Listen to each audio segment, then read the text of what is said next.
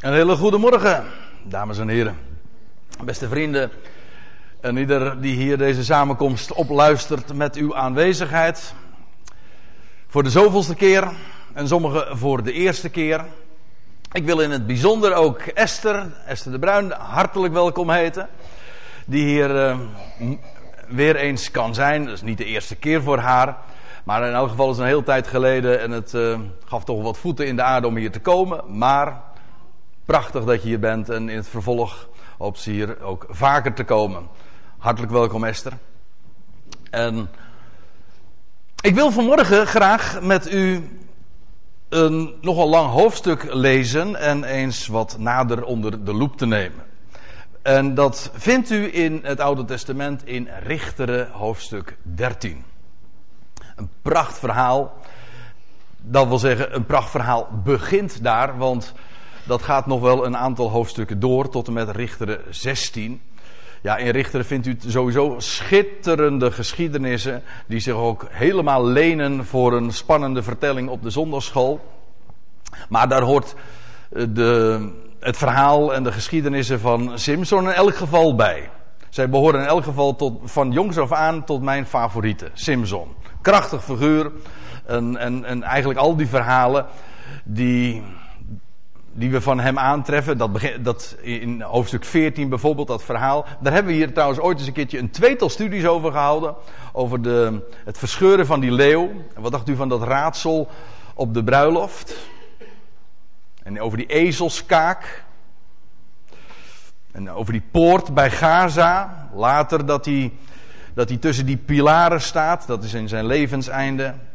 Dat hij ze opzij drukt geweldige geschiedenissen. En het allermooiste daarvan is altijd weer hoezeer al die geschiedenissen onder de oppervlakte dikwijls zo fabelachtig. Dat is niet het goede woord, maar ik weet even niet een ander uh, woord. Zo op een geweldige wijze, laat ik het dan zo zeggen, heenwijzen naar onze Heer en Redder, Jezus Christus. Christus, Jezus.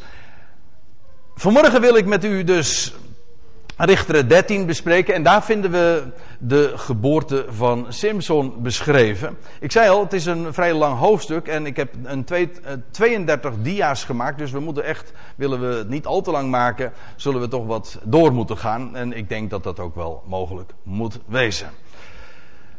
Laten we bij het begin beginnen. De het systeem is heel simpel. We beginnen bij vers 1 en we komen vanzelf bij vers 28 uit.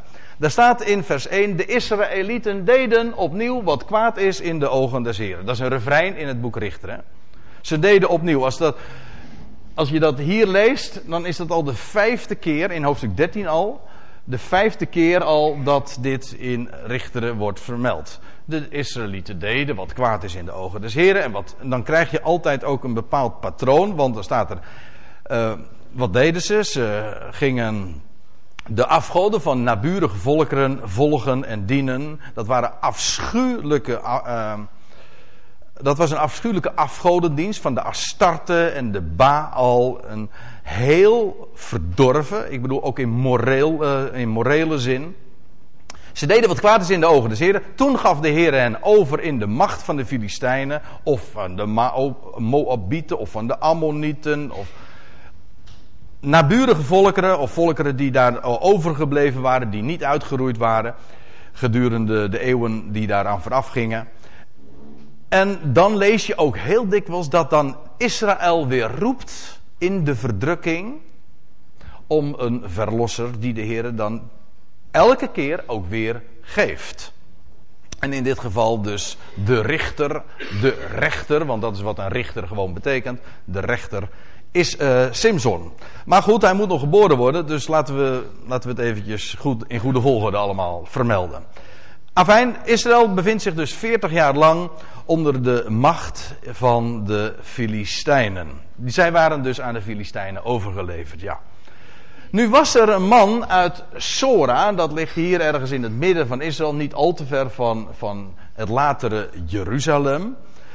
En hij kwam uit het geslacht, staat er, van de Danieten. Dan betekent trouwens ook rechter.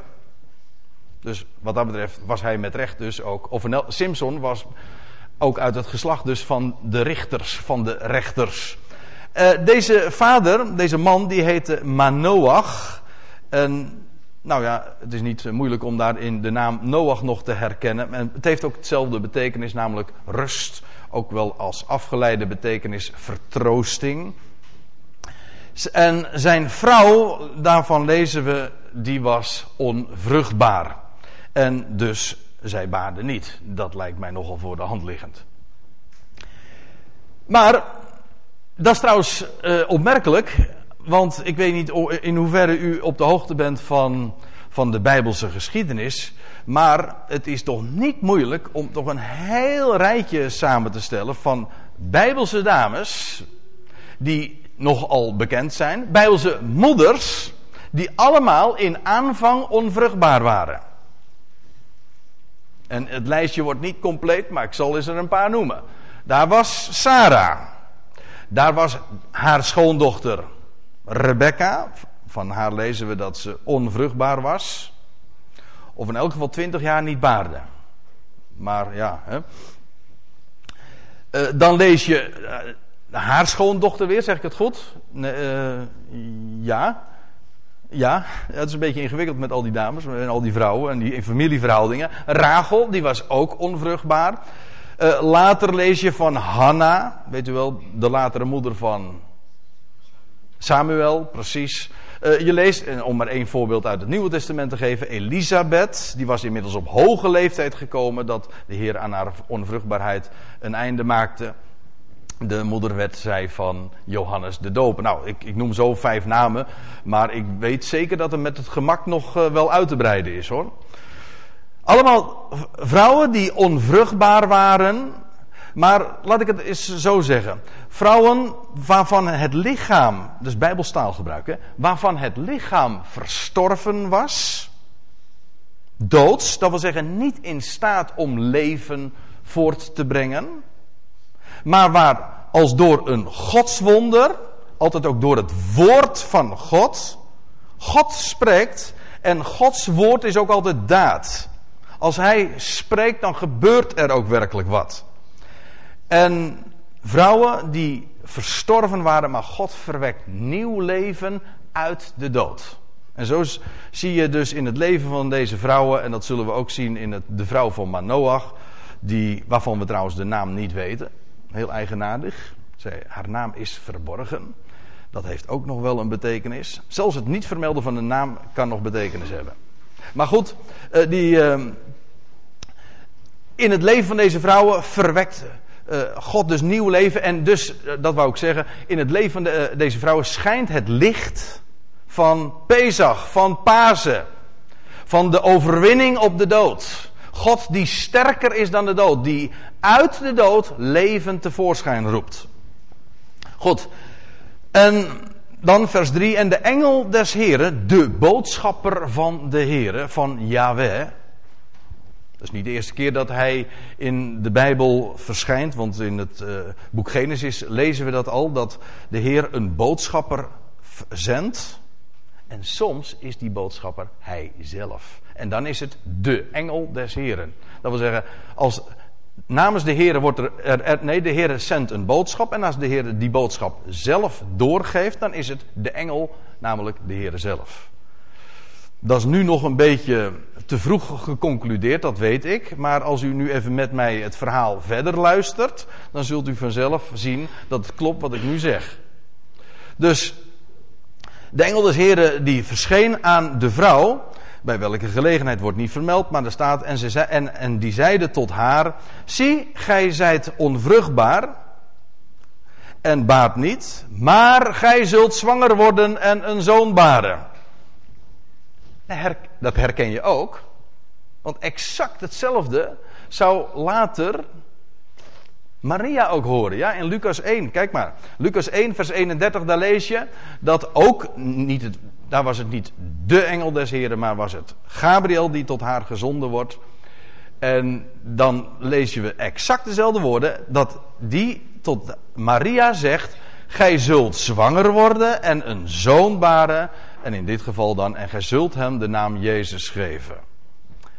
Maar wat ik u eigenlijk wil vertellen is dat deze vrouw van Manoah, een type is van Maria. Als ik het zo zeg, dan kan het eigenlijk ook niet missen. Ik weet wel, in het geval van, van de vrouw van Manoach betrof het geen maagdelijke geboorte. Maar in elk geval een naar de mens gesproken onmogelijke geboorte. En als door een godswonder wordt iemand die niet geacht wordt geboren te kunnen worden omdat de, moeder, ja, omdat de vrouw onvruchtbaar was. Vindt er niettemin het verwekken van nieuw leven plaats. Een godswonder. En wat ik u ga vertellen, en dat zal vanzelf ook blijken, is dat deze Simson inderdaad een beeld is van Jezus. Als ik het zo zeg, dan zeg ik het nog preciezer dan u misschien nu denkt. Maar dat komt later nog. Hou hem even vast.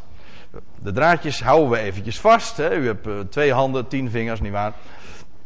En, uh, en straks, uh, straks leggen ze bij elkaar en dan, dan, dan, dan, dan zal het kloppen. Goed, vers 4. Nou staat er dat deze, deze engel, de engel van Yahweh, die vervolgt te spreken. Dus neem u in acht, drink geen wijn. U zegt, oh, werden die adviezen toen ook al gegeven aan zwangere vrouwen? Om geen alcoholische drank meer te consumeren. Uh, ja, nou, of dat hier de gedachte is, dat denk ik niet. Maar dat, dat zal ook nog wel blijken, want het punt is, dat wat zij zou voortbrengen, dat zou een Nazireër zijn. En dat was een alcoholvrije man, zeg maar. Ja, jij wou zeggen een Bob, maar nee. Dat is weer wat anders. Uh, neem u in acht uh, en drink geen wijn of bedwelmende drank en eet ook niets onreins. Want dat wat geboren zou worden, zou speciaal aan God gewijd wezen. Want zie, gij zult zwanger worden. Gij zult zwanger worden. Hè? Niet, jij moet. Nee, het betekent, het is een belofte, een aankondiging. Je zult zwanger worden en een zoon baren. Geen scheermes zal ooit op zijn hoofd komen. Want van de moederschoot af zal de jongen een Nazireër gods zijn. En een Nazireër betekent letterlijk in het Hebreeuws. Ik bedoel, dat moet je erbij zeggen, want in, in het Nederlands ontgaat dat. Een Nazireër betekent letterlijk iemand die is, speciaal is toegewijd en of afgezonderd. En hij zal, staat er dan vervolgens, hij zal een begin maken met de verlossing van Israël uit de macht van de Filistijnen. Nou, als het zo gezegd wordt, dan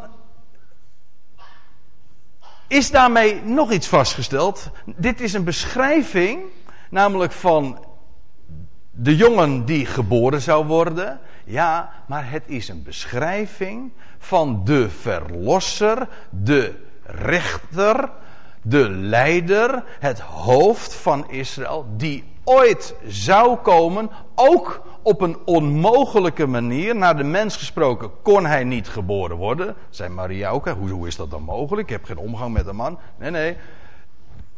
Het gebeurt. Daar gaat het maar om. God heeft gesproken en dat moet meer dan voldoende wezen. Hij zal een begin maken met de, met de verlossing van Israël. Wie, is de, wie zou dat dan afmaken? Ja, dat is niet zo moeilijk. In het hele Bijbelse perspectief is dat nogal duidelijk. Alles verwijst naar hem die zou komen, die de verlossing van Israël zou aanbrengen. Definitief. En wat ik eigenlijk wil zeggen is dit. Dat Simson een uitbeelding is van het begin van Israëls verlossing. Dat wil zeggen ook van hem die, die zou komen, maar dan eh, van zijn beginfase. Laat ik het anders zeggen. Het is een, hij is een uitbeelding van de eerste komst van de Messias. Hij is een uitbeelding van de Messias die geboren zou worden.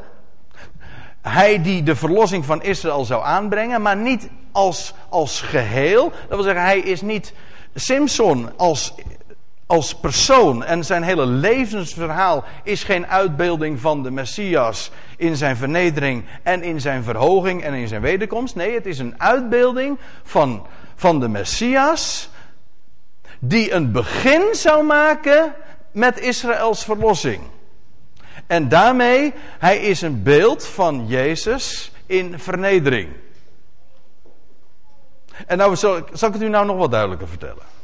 Want ik kan me voorstellen dat u zegt van, sorry, maar dit ontgaat mij een beetje.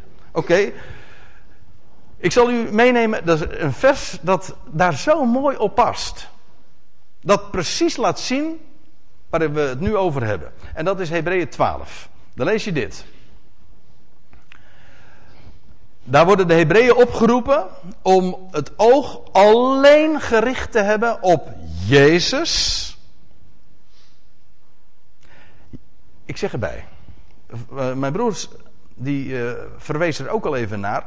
En uh, ik, ik, het is, ik ben erachter gekomen in de loop der jaren dat dat lang niet bij iedereen bekend is. Dat kwartje dat is nog lang niet bij, uh, bij alle mensen gevallen. Maar daarom vermelden we het gewoon nog maar eens.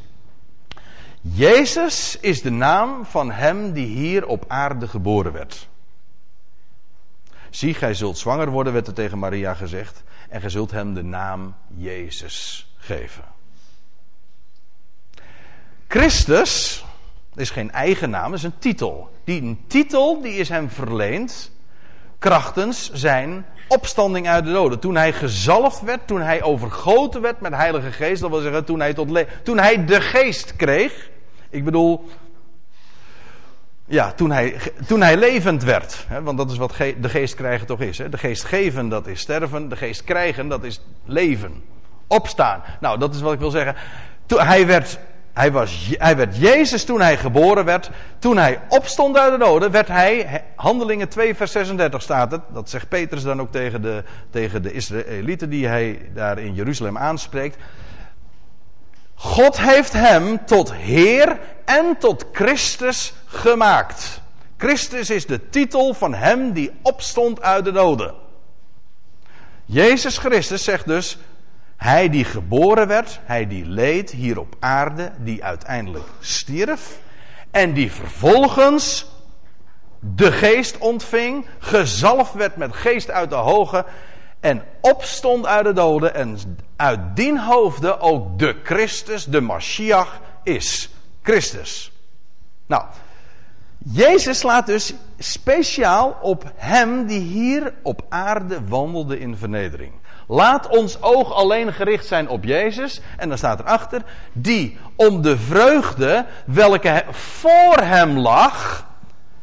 Hier op aarde leefde hij in, in onder lijden.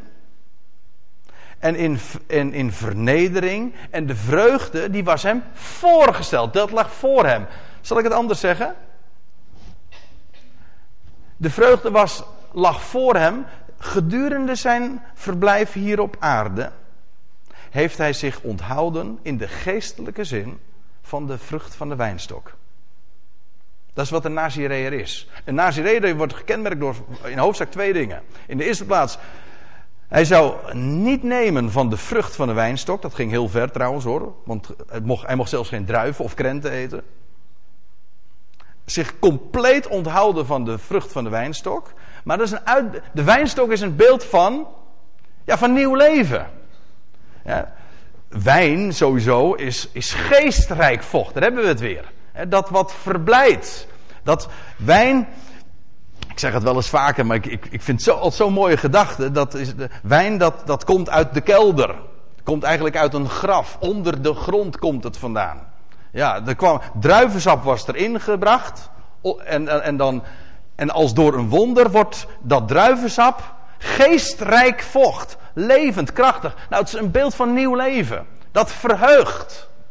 Nou, toen Jezus hier op aarde wandelde, toen heeft hij zich onthouden van de vreugde. De vreugde lag voor hem.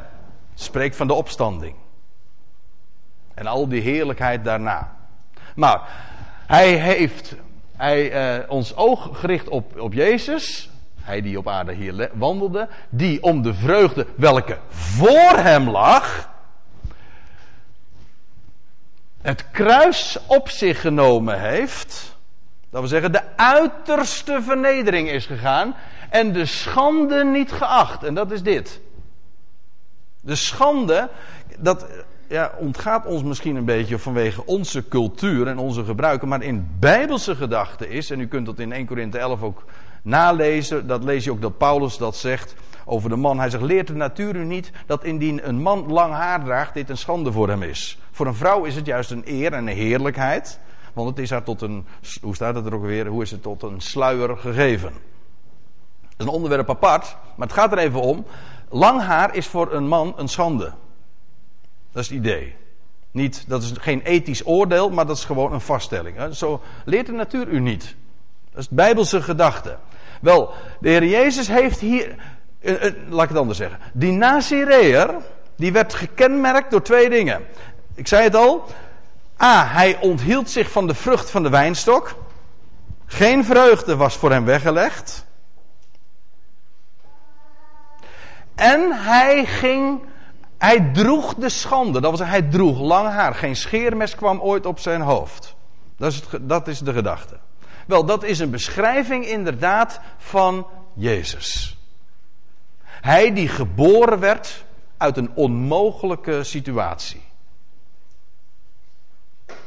Die bestemd was Israëls verlosser te zijn, maar hij is een, de Nazireër is een uitbeelding van Jezus, die de schande droeg, het lange haar. En de vreugde, daar had hij nog geen deel aan, dat lag voor hem. En daarmee zie je dus dat dat Nazireërschap juist spreekt van Jezus. Niet van de Christus. Ziet u? Maar we moeten verder gaan, want we zijn nog maar bij vers 5 of 6. En dan lees je dat de, de vrouw, die, ja, die heeft nogal wat gehoord natuurlijk. En dan lees je, de vrouw nu kwam en zeide tot haar man, een man gods kwam bij mij die eruit zag als een engel gods. Ze had het heel goed begrepen. Later Manoah begreep het niet zo goed.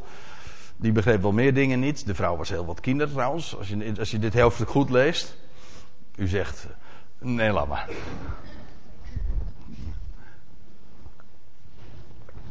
Ja, de helft van de dames, de helft van de, dit gezelschap denkt van ja, maar dat is toch altijd zo. En de andere helft die denkt van, oh, hier wel dan. Goed, we laten elkaar gewoon in die waan. Een man gods kwam bij mij die eruit zag als een engel gods. Uh, zeer vreselijk. Dat wil zeggen zeer te vrezen. Betekent niet eng of zo, maar gewoon onzagwekkend. Ik heb hem niet gevraagd van waar hij was. En hij heeft mij zijn naam niet bekendgemaakt. Later wordt er wel naar gevraagd en dan wordt hij nog niet bekendgemaakt en toch weer wel.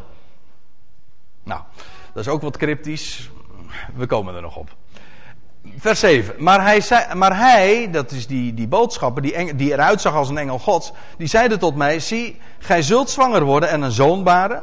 Dus drink geen wijn of bedwelmende drank en eet niets onreins, want van de moederschoot af tot de dag van zijn dood zal de jongen een Nazireër God zijn. Het is eigenlijk eigenaardig hè, als je dit zo leest, want het wordt tegen de vrouw wordt gezegd: Gij zult geen, geen, geen wijn of bedwelmende drank drinken.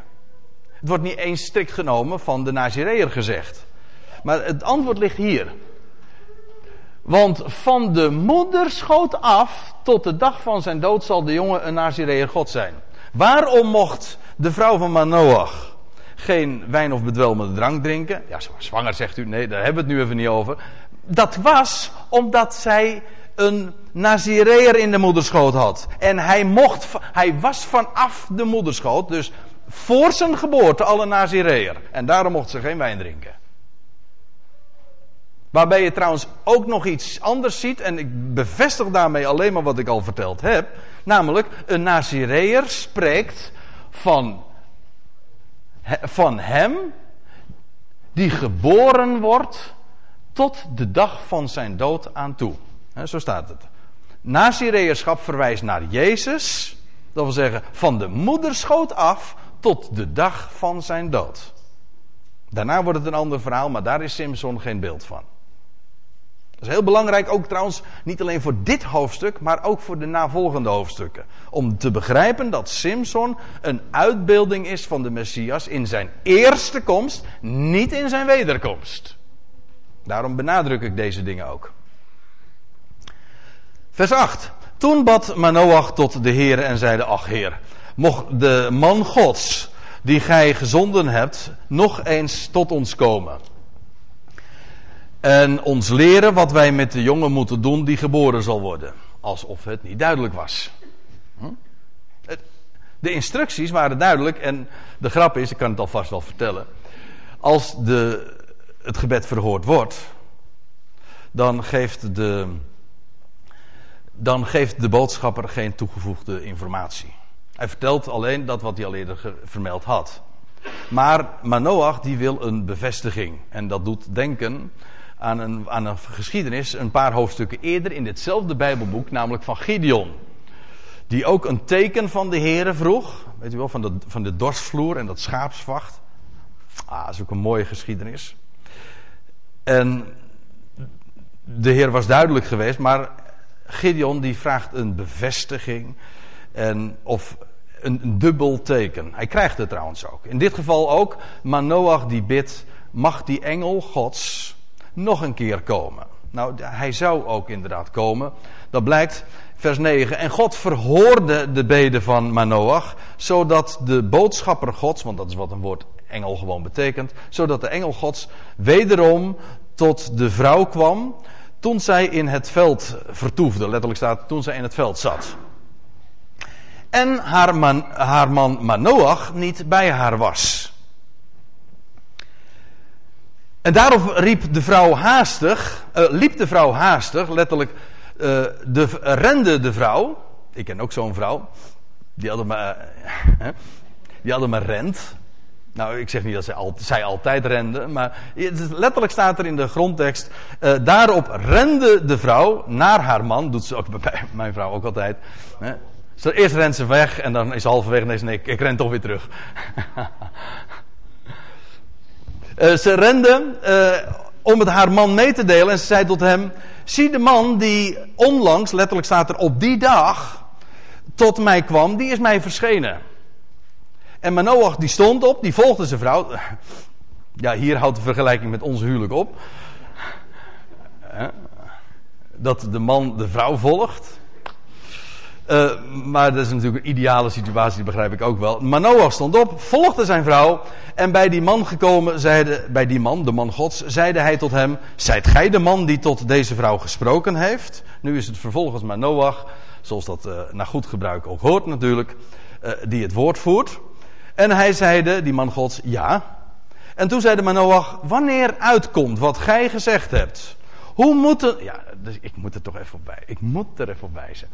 Want iedere keer gaat de NBG hier weer de fout in. Met dat moeten. Want dan staat het niet. Er staat gewoon zal iedere keer. Eh, let op. Uh, hoe moeten, let, wat zal de leefwijze, letterlijk het gebruik en het, het doen, want dat is wat er letterlijk staat, van de jongen zijn? Het was gezegd. Alles wat noodzakelijk was, was gezegd. Dus maar Noach die vraagt alleen een bevestiging. Nu wil hij het zelf wel eens even horen. Ja, die vrouw kan dat wel zeggen. Maar nou wil ik het zelf even horen. Hm? En de engel de, des heren die zeide tot Manoach. De vrouw nemen zich in acht. Nee, zo staat niet. De vrouw zal zich wachten. Dat is, dat is ook een echt typische Hebreeuwse manier van zeggen. De vrouw zal zich wachten voor alles wat ik haar genoemd heb. Zij, nou, hier, in dit vers is het helemaal frappant wat ik net al even op wat ik aangaf. Dat het woordje moeten en mogen gebruikt wordt, terwijl het Hebreeuws dat niet zegt. Er staat, zij, in onze vertaling, als u de Statenvertaling hebt, dan staat het volkomen correct. Maar in de MBG staat, zij mag niks eten. Uh staat, zij zal niets eten dat van de wijnstok afkomstig is. Wijn of bedwelmende drank zal zij niet drinken en niets onreins eten. Zij moet zich, zij moet alles in acht nemen. Nee, zij zal alles in acht nemen wat ik haar geboden heb. Hoe anders klinkt dat? Hm? Drie keer in één vers. Dat de vertalers hebben gemaakt, volstrekt onnodig. Dat ze ervan gemaakt hebben, moet en niet mogen. Terwijl het Hebreeuws gewoon zegt, het zal. In het ene geval wordt er iets, gebo iets uh, gezegd van dat moet je doen. In het andere geval wordt iets gewoon aangekondigd. Hoeveel krachtiger is het niet? Zoals hier vermeld wordt.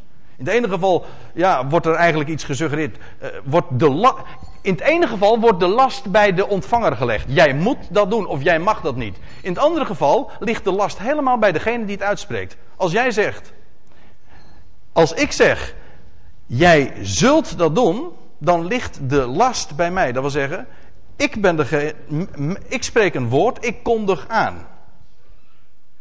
En, de, en de ontvanger die hoort, die hoort het en die gelooft het. Of gelooft het niet. Maar in elk geval, daar ligt, daar ligt niet de, de last of daar, uh, die hoeft niets te proberen of te trachten enzovoort. Dat is de grote ellende van, de, van therapie, van, van wat er in de wereld allemaal verteld wordt aan wijsheid. God geeft gewoon zijn woord en hij zegt niet wat je moet doen, maar hij zegt wie hij is. Hij vertelt wat hij gedaan heeft, hij vertelt wat er gaat gebeuren. En dat verandert je denken gewoon van binnenuit.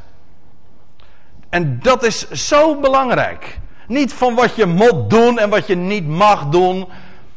Hetzelfde als hier wat er gezegd wordt over, over die wijn, wat er hier uh, over die, de betekenissen daarvan gezegd wordt. Dat is eh, in de Bijbel in het algemeen. Wij weten niet meer waar het een beeld van is. Dat geldt trouwens van typologie in het algemeen. Daar hebben de mensen, ook christenen, totaal geen kaas meer gegeten. Waar, waar heeft het betrekking op? Waar, Waar spreekt het van? Waar spreken bepaalde gebruiken van? Dat geldt ook voor de natuur. Ik heb gisteren nog een stukje op mijn website gezet over, over, een, ehm, over een spin en een spinnenweb. Daar gaat zo'n geweldige sprake van uit. Dat geldt voor, geldt voor al wat God gemaakt heeft. En het verwijst altijd natuurlijk naar Hem die het zelf bedacht heeft en gemaakt. Wat dacht je wat? Het komt uit Hem voort. Het draagt gewoon zijn DNA. Alle dingen zijn door het woord geworden. Logisch dat alle dingen dus op een of andere wijze ook terugverwijzen naar het woord. Daar hoef je toch geen groot licht voor te zijn om dat te begrijpen. En dat geldt ook voor de dingen die hier. Ik ben ervan overtuigd trouwens dat een, uh, mensen als, als de uh, Manoach en, en, zijn vrouw veel meer hebben begrepen van dat soort symboliek als wij, dan wij. En wat ik zojuist zei over, over, over, die, over dat lange hamer geldt ook voor de wijn. Wij weten niet meer dat het, waar het van spreekt. En dat is, als u het mij vraagt, het echte drankprobleem. Dat je niet meer weet. Niet, dat betekent niet dat je te veel drinkt volgens mij, maar dat je te weinig drinkt. Leuk hè? Dat je te weinig drinkt in het besef van waar het een beeld van is. Namelijk van leven en van wat hij bemachtigd is te doen. En drink nou eens elke slok gewoon in dat besef. Dat is wat anders dan al die morele, uh, morele in mijn ogen, prietpraat die daarover uitgekraamd wordt. En, en waarbij de mensen belast worden. Gods woord bevrijdt. Goed, dat zie je hier ook. God zegt gewoon, zo zal het zijn. Tot drie keer toe. Richter 13, vers 14 zou, kun je best in je Bijbeltje bijschrijven. Dat is een prachtig voorbeeld van hoe de vertalers uh, het woord eigenlijk toch verdraaid hebben en aankondigingen maken tot mensenwerk. Oftewel, men heeft geloof veranderd in werken. Als, die, als gezegd wordt, het zal zo zijn, dan kan je alleen maar geloven. Als gezegd wordt, je moet het doen, dan moet je gaan werken. Zie daar een heel elementair bijbels verschil. Goed. Vers 15. En Manoach zeide tot de engel des heren, wij zouden u gaan hier houden en een geitenbokje voor u bereiden. Maar de engel des heren die zeide tot Manoach, al zou je mij hier houden van uw spijzen, mm -mm, staat er niet, van uw brood. Ik, ik, ook hier begrijp ik niet waarom de vertalers uh, er uh, spijzen van hebben gemaakt. Want het gaat er juist om dat brood is. Hij zou namelijk wel iets anders eten, maar op een heel andere manier. Maar het is namelijk ook een heel ander wezen. Hij komt van de overkant, zal ik maar zeggen. Uh, al zou je mij hier ook houden van uw brood, zal ik niet eten. En dan vervolgens in vers 16. Maar indien, indien gij het bereidt. Niet indien gij het bereiden wilt, maar indien gij het bereidt, dat wil zeggen dat, dat geitenbokje. Want kijk, wat had uh, Manoach uh, gezegd? Manoach zei tot de engel des heren, wij zouden u hier gaande houden en een geitenbokje voor u bereiden. En de engel des heren zegt, zegt dan, als zou je me hier houden, van uw brood zal ik niet eten. En dan, maar indien gij het bereidt, wat? Nou, dat wat Manoach aangeboden had, namelijk een geitenbokje. Of offer het. Niet, dan gaan, we het, dan gaan we het hier aan tafel zitten en dan gaan we uh, zo'n geitenbokje opeten. Nee, dan doen we het op die manier. Dan gaat, dan, inderdaad, bereid maar een geitenbokje, maar dan offer je het. Offer het als een brandoffer aan de Heer. Ja, maar Noach wist niet beter, staat er dan achter, want hij wist niet dat het de engel des Heren was. En hij wist helemaal niet, hoewel, eh, slik mijn woorden eigenlijk meteen in, want later blijkt hij inderdaad wel te weten, als hij eenmaal op de hoogte is dat het de engel des Heren is, weet hij ook ineens wie de engel des Heren is. Ja, maar even dit toch, hè. Uh, ook dat is uh, nogal onbekend. Offers, het slachten van een geitenbokje, spreekt standaard altijd over de grote slachting die ooit in de wereldgeschiedenis heeft plaatsgevonden, namelijk het kruis van Golgotha. Daar werd hij, het lam van God, geslacht. En alle slachtingen in de Bijbel verwijzen daarnaar.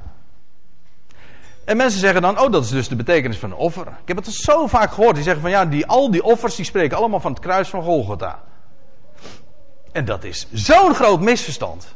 Dan ontgaat je, als het mij vraagt, de clue. Want het idee bij een offer is juist dat een dier geslacht wordt. Was dat het offer? Nee. Nee, dat was noodzakelijk voorafgaand aan het offer. Een geitenbokje werd geslacht, maar dan volgde het offer pas. Namelijk, dan werd het verhoogd, kwam het op een altaar terecht. Dat mocht niet trouwens zijn gemaakt van bakstenen of zo, iets van menselijke maaksel. Je mocht niet op iets, een menselijke constructie mocht je dat doen. Israël later heeft dat wel gedaan. Die ging de heren, dan lees je dat ze de heren gingen offeren op tegel, op tegels, op zelfgebakken stenen. En de heren gruwden daarvan. Maar Noach begreep het, want die heeft het, de Heer niet geofferd op tegel, maar op een rots. We zullen het straks zien. Een rots, een steen die de Heer zelf gemaakt heeft, in de schepping gelegd heeft.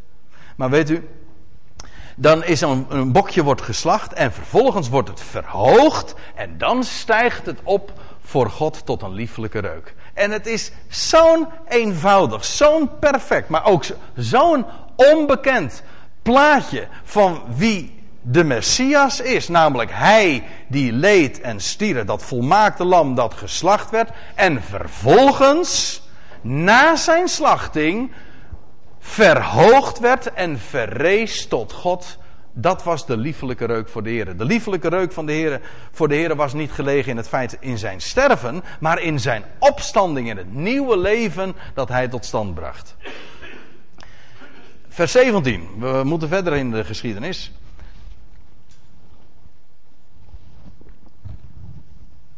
Nee, is geen sterke drank. Ja. is gewoon water. Uh, daarop zeide Manoach tot de engel des Heren: Hoe is uw naam? Dat, dat wist die vrouw immers niet. En hij wist ook nog steeds niet. Hoe is uw naam? Want, want wanneer, het, wanneer uitkomt wat gij gezegd hebt, dan willen wij u heerlijkheid geven. Dan willen wij u eren. Dat was eh, een, dezelfde vraag die ooit eerder ook door Jacob was gesteld. Toen hij bij de Jabok was, Genesis 32. Waar de omkeer, de bekering van Jacob plaatsvond. Het was ook de omkering van Jacob. Het vond ook plaats bij de Jabok. Dat is al heel makkelijk te onthouden. Dat is ook natuurlijk uh, heel illustratief omkering van Jacob. En dan lees je dat hij die, dat gevecht heeft met die man Gods. En dan vraagt uh, Jacob aan die man, die man die incognito aan hem verscheen. Daarop vroeg Jacob: Zeg mij toch uw naam. Maar hij antwoordde: waarom vraagt gij toch naar mijn naam? Het enige wat hij deed, hij zegende hem daar. En feitelijk is dat ook een antwoord op de vraag. Ik ben degene die zegent. Als later, eh, een paar honderd jaar later, Mozes ook zo'n vraag stelt, dan zegt de Heer, ja, dan geeft de Heer zijn naam, maar eigenlijk is de naam van de Heer ook gewoon, ik heb geen naam. Wat vraagt gij naar mijn naam? Ik ben die ik ben. Yahweh, of sommigen zeggen Jehovah, of de vertalers hebben ervan gemaakt de Heere, betekent gewoon ik ben die ik ben. Of ik zal zijn die ik zijn zal. Feitelijk ook een ontwijkende naam. Hoe is zijn naam? Hij heeft geen naam. Ik zou haar zeggen GZN. Ja, God zonder naam. Maar dat is juist zijn naam. Zoals je ook de band zonder naam hebt. Maar dat, hoe, heet, hoe heet die groep? Nou, dat, die groep die heet BZN. Band zonder naam. Ja. Maar Gods naam is juist dat hij geen naam heeft. Feitelijk is hij is onbenoembaar. Dat blijkt ook wel in het vervolg, want er staat er in vers 18, eh, vers 18 geeft de engel een wat afwijkend antwoord. Dat wil zeggen, het is niet op de, precies dezelfde wijze, maar in de praktijk komt het op hetzelfde neer. De engel des Heren die zeiden tot hem, tot Manoach dus, waarom vraagt gij naar mijn naam? Immers, die is wonderbaar. Ook dat kun je weer op twee manieren opvatten. Je kunt zeggen van, ah, hij zegt, ik heb geen naam. Want ik kan jou mijn naam niet vertellen, want mijn naam is wonderbaar. Maar je kan ook zeggen, oh, zo heet u dus, wonderbaar. Immers, wat vraag hij naar mijn naam? Die is wonderbaar. Dus het is maar hoe je het hebben wil. Heeft God een naam? Ja en nee. Je kunt beide zeggen. Die naam is hoe dan ook wonderbaar. We gaan het straks trouwens ook zingen. In in Jezaja 9, dat lees je ook van de Messias. Hè?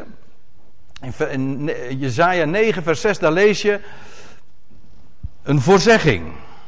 Daar zegt de, voorzegt de profeet Jezaja, want een kind is ons geboren. Een zoon is ons gegeven. Een kind is ons geboren in Bethlehem. Een zoon werd ons gegeven toen op de dag van de opstanding. En de heerschappij die rust op zijn schouder. Dus die hele wereldheerschappij, geweldig hè, op die ene sterke schouder van hem rust dat. En dan staat er, en men noemt hem wonderbaar. Ja, de MBG-vertaling zegt uh, wonderbare raadsman. Daar hebben ze van wonderbaar een bijvoeglijk naamwoord gemaakt, dat zou kunnen. Maar je, de Engelse vertalingen zeggen ook meestal uh, op deze wijze. En men noemt hem wonderbaar, komma, raadsman, sterke God, eeuwige Vader of Vader der eeuwen, vredevorst.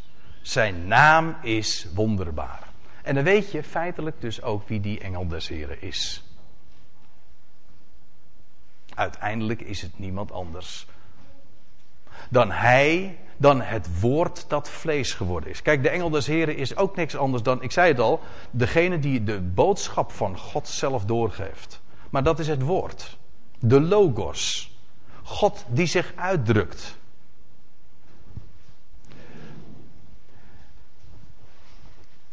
Daarop nam Manoach, vers 19, een geitenbokje en een spijsoffer en offerde dit op een rots aan de Heere.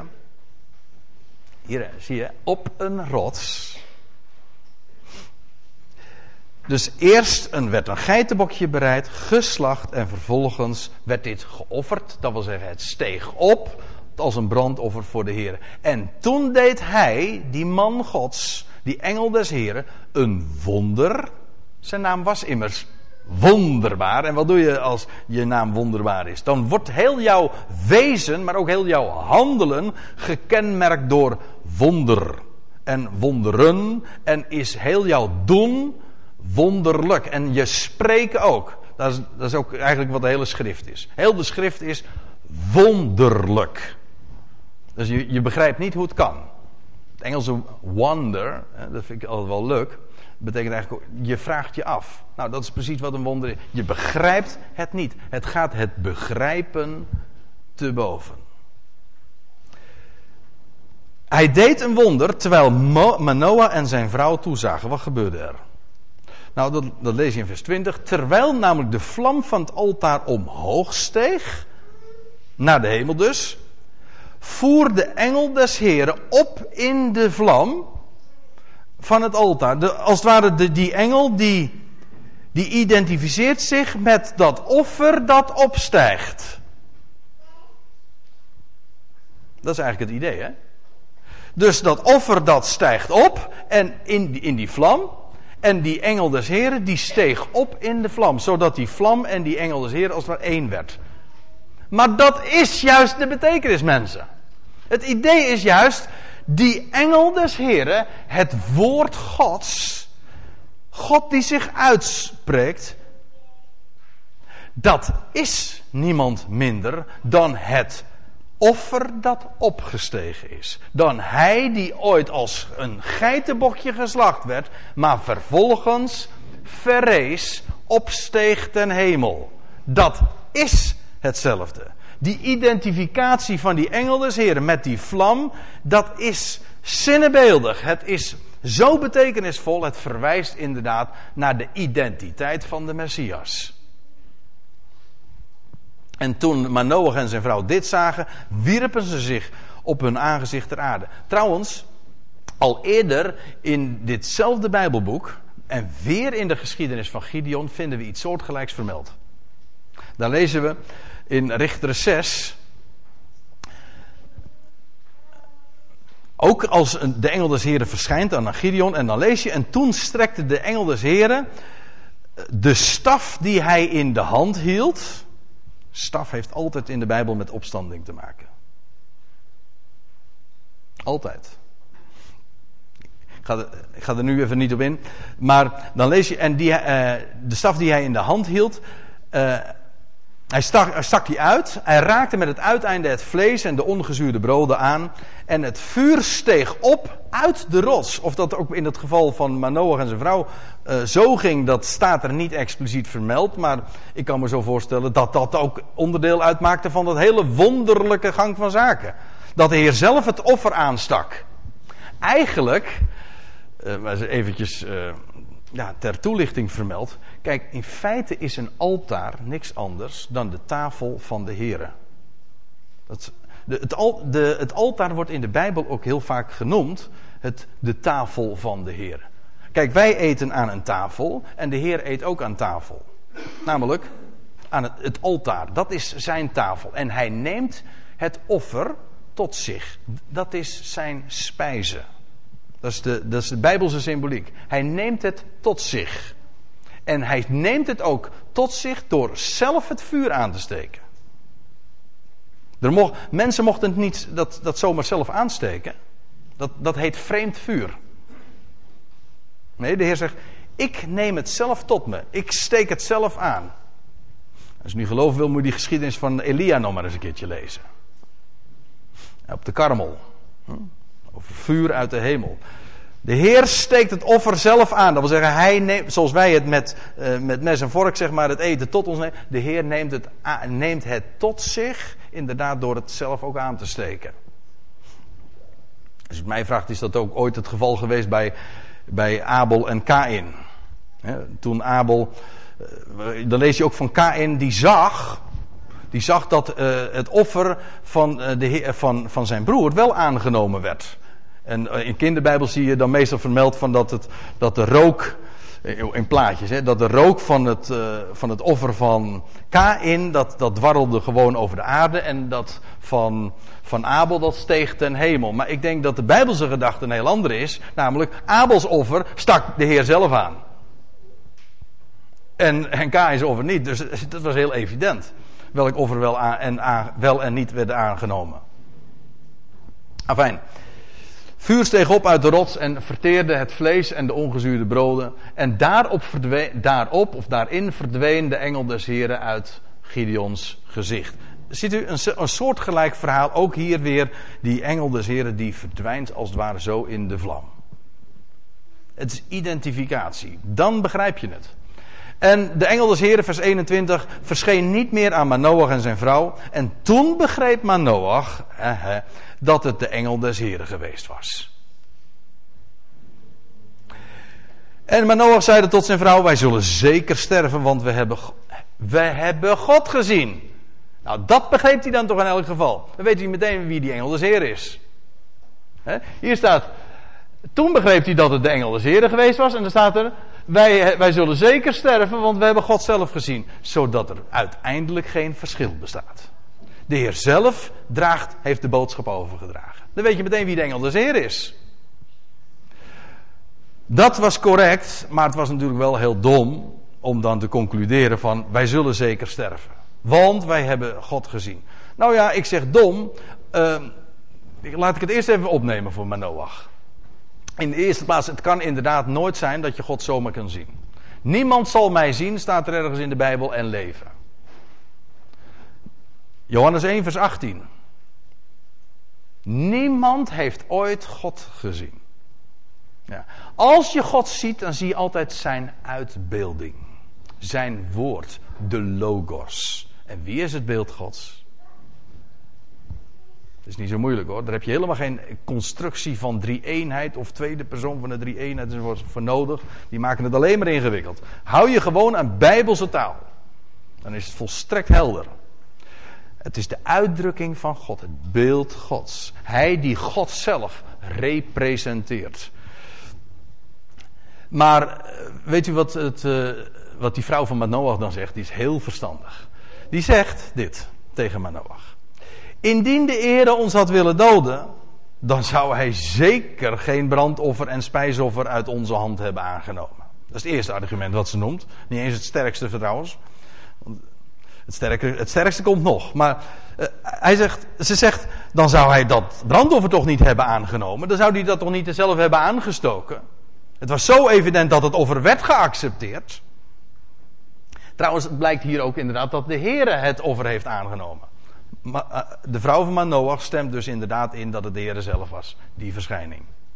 Afijn.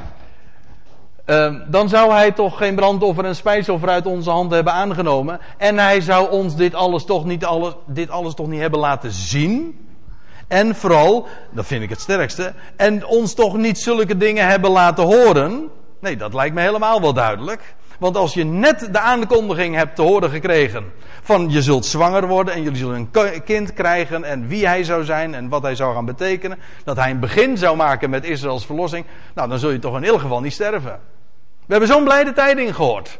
Hoe komt het dan in je op om te denken van we hebben God gezien, dus we zullen wel sterven? Dus het uh, antwoord van Manoach's vrouw was zeer adequaat. En staat er, de vrouw baarde een zoon en noemde hem Simson. Hij was een. Dit is het Hebreeuws, ja. En als ik het zo zie, dan zie je ook meteen wat de overeenkomst is.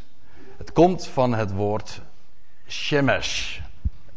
Je hebt in eh, de Bijbel ook een plaats, dat ligt daar trouwens niet zo ver van, van Sora af, Bet Shemesh, huis van de zon. En Simson was een zondagskind. Ja. Dat is een mooi woord trouwens, eh, denk ik aan. Een zondagskind. Een kind van de zon. Van het licht dat opkomt. De, de dageraad. Het was het begin van Israëls verlossing. En Simson is daar een beeld van. Sommige mensen die zeggen van nou, uh, die, die herleiden de naam Simson tot Shem. Naam. Hashem, de naam. En dat zou ook kunnen, want dat zijn dan de eerste twee letters. Maar in de praktijk maakt het uh, geen verschil. We gaan daar geen ruzie over maken. Want volgens mij, als je het hebt over de zon, aan wie denk je dan? We hadden het over typologie in de natuur, hè? Nou, de zon, daar hoef, ik, daar hoef je geen fantasie voor te hebben. Je leest het namelijk rechtstreeks al in de Bijbel. De zon spreekt van de Heer zelf. De Heer, is, hoe staat, vaak staat het niet in de psalmen. De Heer is onze zon en schild. Hij is de zon. En trouwens, de Messias wordt ook genoemd de zon der gerechtigheid die straks zal opkomen. Ja, en de naam, ja, dat is uiteraard de naam van de Heer zelf. Maar het spreekt uiteraard van dezelfde. De Heere zelf.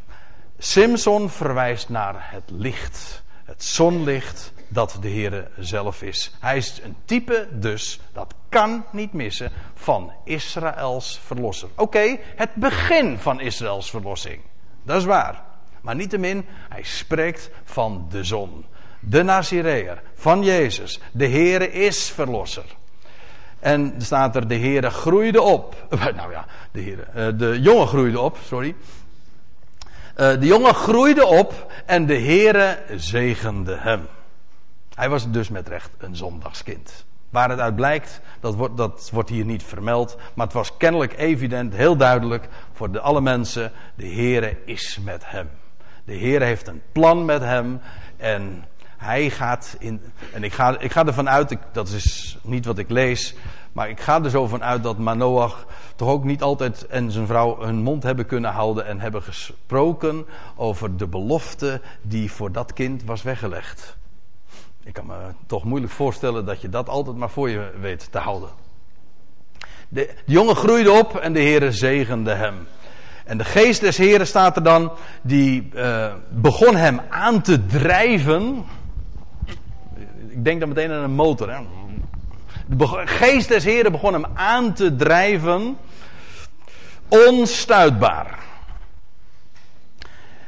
In, in het Hebreeuws staat er trouwens dit woord. Elders, dit woord wordt al vaker gebruikt, maar dan wordt het altijd vertaald met onrustig maken. Of met onrust. Maar dat is in de praktijk niet zo'n groot verschil hoor. Want je, hoe word je vaak aangedreven? Doordat je onrustig gemaakt wordt. Je, je irriteert je aan iets. Van, eh, van Paulus lees je dat hij in, op de Areopagus daar rondwandelde of in Athene. En dan zag hij al die afgodsbeelden. En dan, lees je, hij werd in zijn geest geprikkeld. Ja, toen ging die, werd hij opgeladen en toen kon hij ontladen toen hij zijn reden daar op de Areopagus mocht houden.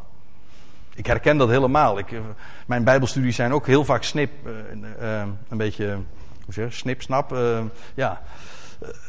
Je wordt geprikkeld, je krijgt een vraag, je hebt, je hebt onvrede, herkent u wellicht ook, je hebt onvrede over, over een bepaalde vraag of over een bepaalde uitleg en je wordt geprikkeld, dan word je aangedreven. En dan ga je, ga je zoeken.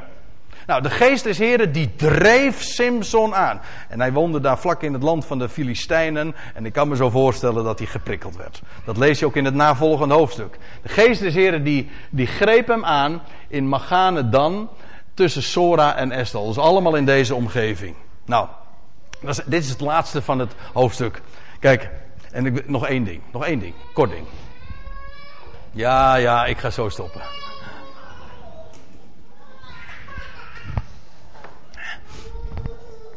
Mijn vrouw zou zeggen, André, dan weet je dat het tijd is. Dat is waar. Maar weet je... Ja, ik moet je wel hebben, Peter, sorry. Maar uh, het is zo. Kijk, Simpson, ik heb, ik heb het laten zien zo in alle eenvoud. En ik hoop dat het ook is overgekomen, is een beeld van Jezus. Hij die hier geboren werd en de schande droeg, dat lange haar. En de vreugde was slechts voor hem weggelegd. Hij onthield zich van de vrucht van de wijnstok. Ja, ik heb laten zien dat het een type is van Israëls verlosser. Maar weet je wat ik nou ook zo mooi vind? Simson was gewoon maar een mens. Zoals u en ik. Oké, met Gods belofte, maar dat hebben wij ook. Simpson, zijn naam wordt vermeld later in Hebreeën 11. In de, in de, zoals dat dan heet, plechtig, de rij van de geloofshelden. De galerij van de geloofshelden.